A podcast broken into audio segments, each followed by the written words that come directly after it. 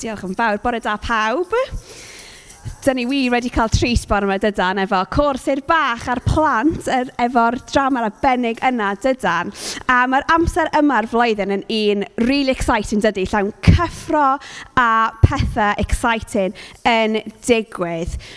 Be di rai o'r hoff pethau chi am amser yma o'r flwyddyn yn arwain atolig? Gweidwch rai o'r pethau allan. Be di, be di hoff pethau chi am amser? Presenta? dathlu dew, lyflu, mae hwnna'n gwyliau, cael amser bant, amser off gwaith, amser off ysgol, ie, yeah. boed. Ond mae yna llawer o bethau does sy'n exciting am yr amser yma o'r flwyddyn. A dwi'n cofio pan, pan o'n i'n tefu fyny ac o'n i yn oed rai ohonych chi sy'n am y bore yma, oedd yna lot o pethau oedd yn neud i fi'n really excited am yn y doleg oedd un o'r pethau oedd yn neud i fi'n really excited oedd um, advent calendars. Yeah. Oedd, uh, oedd nain fi yn hoff iawn o, o gweu y pethau. So un blwyddyn nath i creu dyn eira i fi a chwar fi. Ac yn y dau llaw o'r dyn eira oedd yna bag. Ac yn y bag yna oedd yna darnau bach o siocled.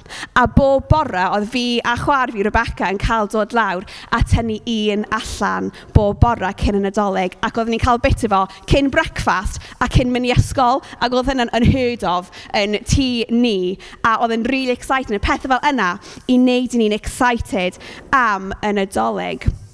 Ond weithiau, dan ni'n gallu cael yn rili brysur dydyn efo gyd o'r pethau yma ac yn cael yn barod i'r nadolig. A weithiau, dyn ni'n gallu cael ein tynnu i fewn i gyd o'r pethau yna cymaint, bod ni'n gallu anghofio y gwir rheswm dyn ni'n dathlu y nadolig.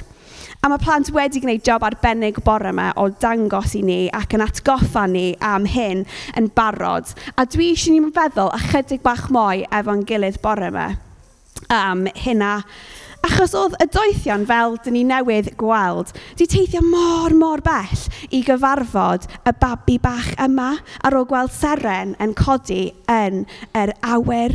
Ac oedd nhw wedi penderfynu oedd yn werth teithio'r holl ffordd yna i gyfarfod y babi yma, y brenin yma. Ond ffindio nhw y brenin yma yn y lle mwyaf anisgoel a, ac yn y person mwyaf anisgoel.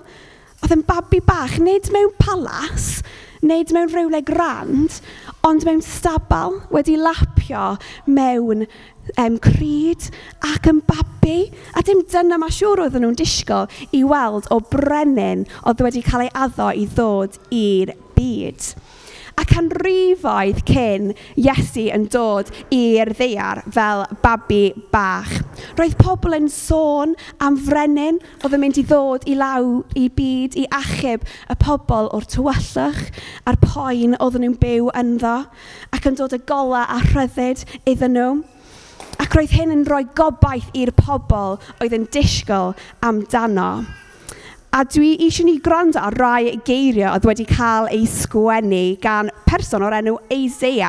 A dyma beth oedd Eisea wedi dweud blynyddoedd cyn i Iesu dod i'r byd. A mae Lydia yn mynd i ddod i fyny a darllen y geiriau yma i ni. Diolch, Lyd. Eisea 9, 6 i 7. Achos mae plentyn wedi cael ei enni i ni.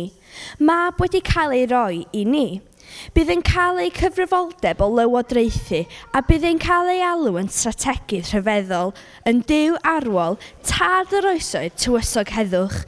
Fydd ei lywodraeth ddim yn stopio tyfu a bydd yn dod i lwyddiant di ben draw i orsef Dafydd a'i deyrnas. Bydd yn sefydlu a chryfhau ei theirnas yn gyfiawn ac yn deg o chwyn allan ac am byth, mae'r arglwydd holl bwerus yn benderfynol o wneud hyn i gyd diolch Lydia. Ac y geiriau yna dyn ni newydd clywed, oedd nhw wedi cael ei ysgrifennu 700 o mynyddoedd cyn i Iesu dod i'r byd. Ac yn y geiriau yna, mae'n sôn, nid jyst bod rhywun yn mynd i ddod i achub y pobl, ond sut un fyddai'n dod i'r byd. A dyn ni wedi dechrau meddwl am hyn yn barod ydan efo rhys ar bag siorn corn. Ond dwi eisiau ni meddwl ychydig bach mwy am rai o'r pethau a'r teitlau oedd wedi cael ei roi i Iesu. Achos fel dyn ni newydd clywed yn y darlleniad yna, oedd yna rai enwau oedd wedi cael ei roi iddo, a maen nhw'n enwau eitha hir a'n swnio bach yn posh. Yn dweud byddai pobl yn ei alw yn strategedd rhyfeddol, y, dw, y dew arwrol, tad yr oesoedd, a tywysog, heddwch, Na, dwi'n yn gwybod amdano chi, ond mae hyn yn swnio fel person boesig iawn, dydy? Efo status really, really da. A no wyndaeth y doethion i'r palas i trio ffindio fo, os dyna'r math bethau oedd yn cael ei sôn amdano. Ond, Oedd y doethau e wedi dod o hyd i'r fabi a'r brenin mewn person anisgol doedden. A dyn ni'n gweld hynna ar dechrau yr um, darlleniad oedd Lyd wedi darllen. Mae'n dweud achos mae plentyn wedi cael ei eni i ni, mab wedi cael ei roi i ni. Ac roedd, roedd e y enw'r dechrau cyntaf, cynllun anisgol, dew, Ond sut oedd babi bach? Sut oedd babi bach yn gallu bod yn frenin a gallu bod yn mysia yma sy'n cael ei sôn amdano? wel, dwi eisiau bach o help i ni helpu meddwl am hyn. So rhywun fodlon dod i fyny a dal rhywbeth i fi. Harry, ti eisiau dod i fyny? Ie. Yeah. OK, so, dyn ni'n mynd i fynd trwy rai o'r enw yma, OK, trio gweld be maen nhw'n golygu. Ti'n gallu dal hynna'n uchel i pawb cael gweld? OK, so, yr enw cyntaf ydy strategedd rhyfeddol. A mae hyn yn teitl mawr iawn, dydy. Ond un sydd yn golygu bod Iesu sydd yn un sydd yn ddoeth iawn yn y ffordd oedd yn teirnasu. A troi hynna, oedd yn dangos a cyfeirio pobl y ffordd iawn i fyw a sut i ddilyn dew a sut oedd bywydau nhw yn gallu cael eu byw yn y ffordd gorau oedd yn arwain i ni cael a profi rhyddid A dyn ni'n gweld hynna yn Iesu a sut oedd yn byw ei fywyd, yn y ffordd oedd yn dysgu pobl, yn y ffordd oedd yn byw ac yn y ffordd oedd yn trin ac ymwneud efo pobl eraill. Diolch, Harry. Newn ni cael rhywun nesaf, ie? Diolch yn fawr. Reit. Pwy sy'n helpu efo'r un nesaf yma? Rwy'n, ti eisiau dod o'r cefn? Ti eisiau dod i fyny? Ie, yeah, come on ta gei di'r un nesaf dal yn eitha uchel i pobl cael gweld iawn, gen ti breich y hir, does o, diolch yn fawr, ydych chi'n gallu gweld hynna? Mae gennym ni rhywun yn estyn allan. Achos yr enw arall sy'n cael ei roi Iesu ydy y dew arwrol. Mae'n un eto gair eitha rhyfedd, dydy. Ond oedd y teitl yma yn dangos i ni taw Iesu oedd dew yn y cnawd, oedd yn hollol ddew a hollol ddyn. Iesu oedd dew gyda ni yn y canol o bob dim. Ac oherwydd hynna, oedd Iesu yn gwybod be oedd ei fel i bod yn person, oedd yn gwybod be oedd ei fel i teimlo pethau a cael emotions a mynd trwy pethau gwahanol fel dyn ni, fel pobl yn mynd trwy. Ond hefyd, oedd e efo'r awdurdod a'r pŵer a nerth i wneud pethau anhygoel, dim ond dew oedd yn gallu gwneud. A dyn ni'n gweld hynna eto trwy bywyd Iesu.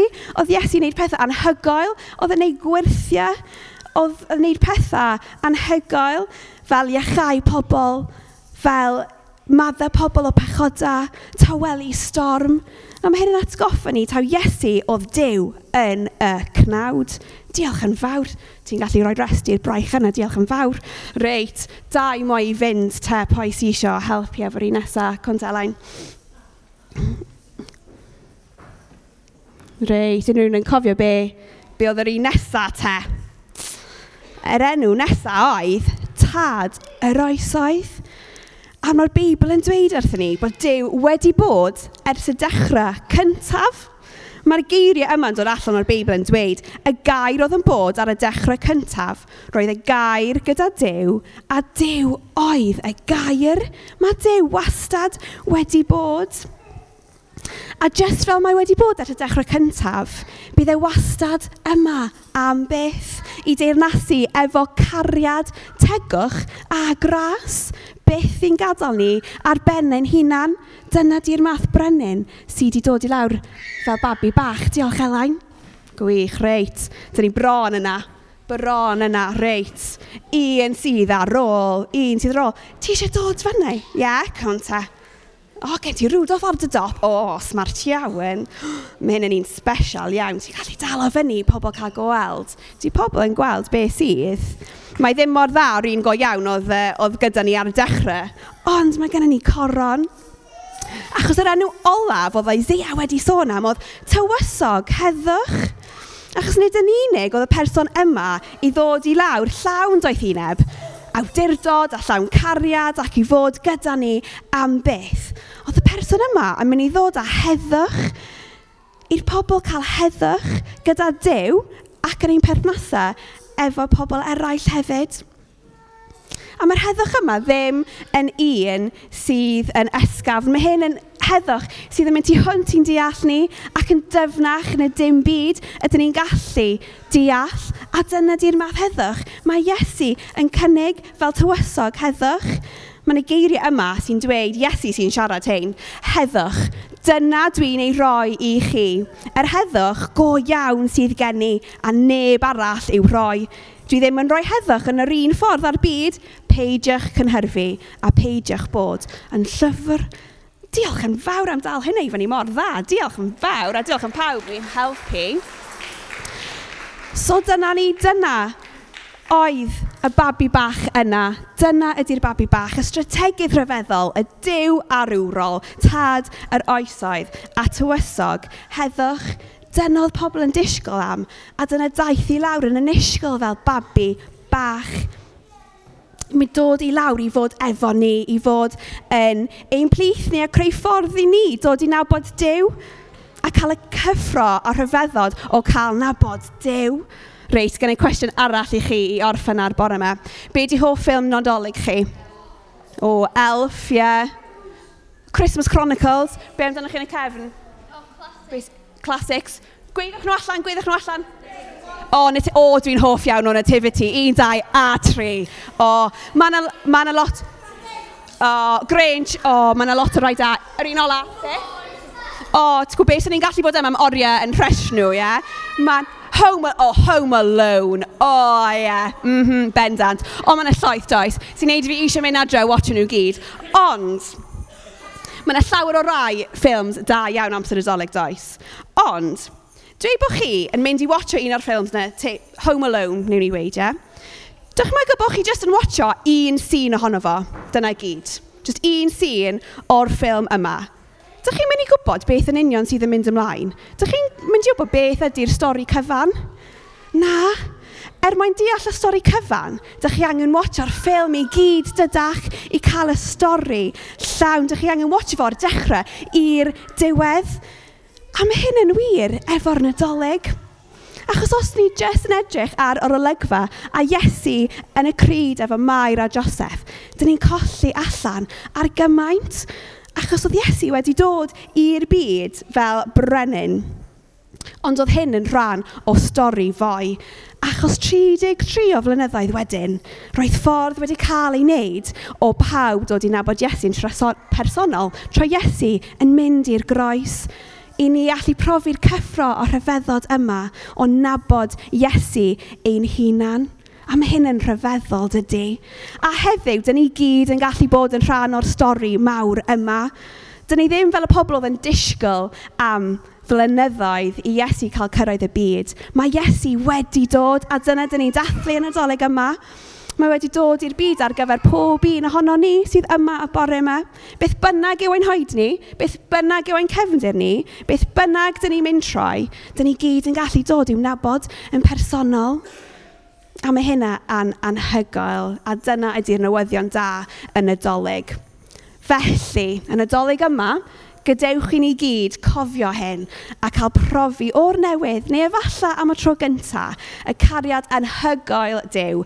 Daeth i'n byd fel babi bach yn isgol, ond rhan o'r stori foi a'r gwahoddiad sydd i gael i bob un ohono ni i brofi'r cyffro a rhyfeddod o fod yn rhan o'r stori yna. Felly, cyn i ni canu ein carol ola, neu nhw jyst cael amser i weddio. O ddew, diolch am anfon dy fab Iesu Grist i'r byd. Diolch am y cyffro a rhyfeddod sydd o dod i nabod Iesu yn personol yn ein bywydau gweddïo nadolig yma y byddwn ni'n dod i dynabod di yn well, fel brenin a fel ffrind. A diolch bod gen i Iesu yn rhan o stori fwy a bod ni gyd efo lle ynddo fe. Dyn ni yn gweddio hyn i gyd yn enw dy fab Iesu Grist. Amen. Felly, gadewch ni codi ar ein treid i canu'r y carol olaf.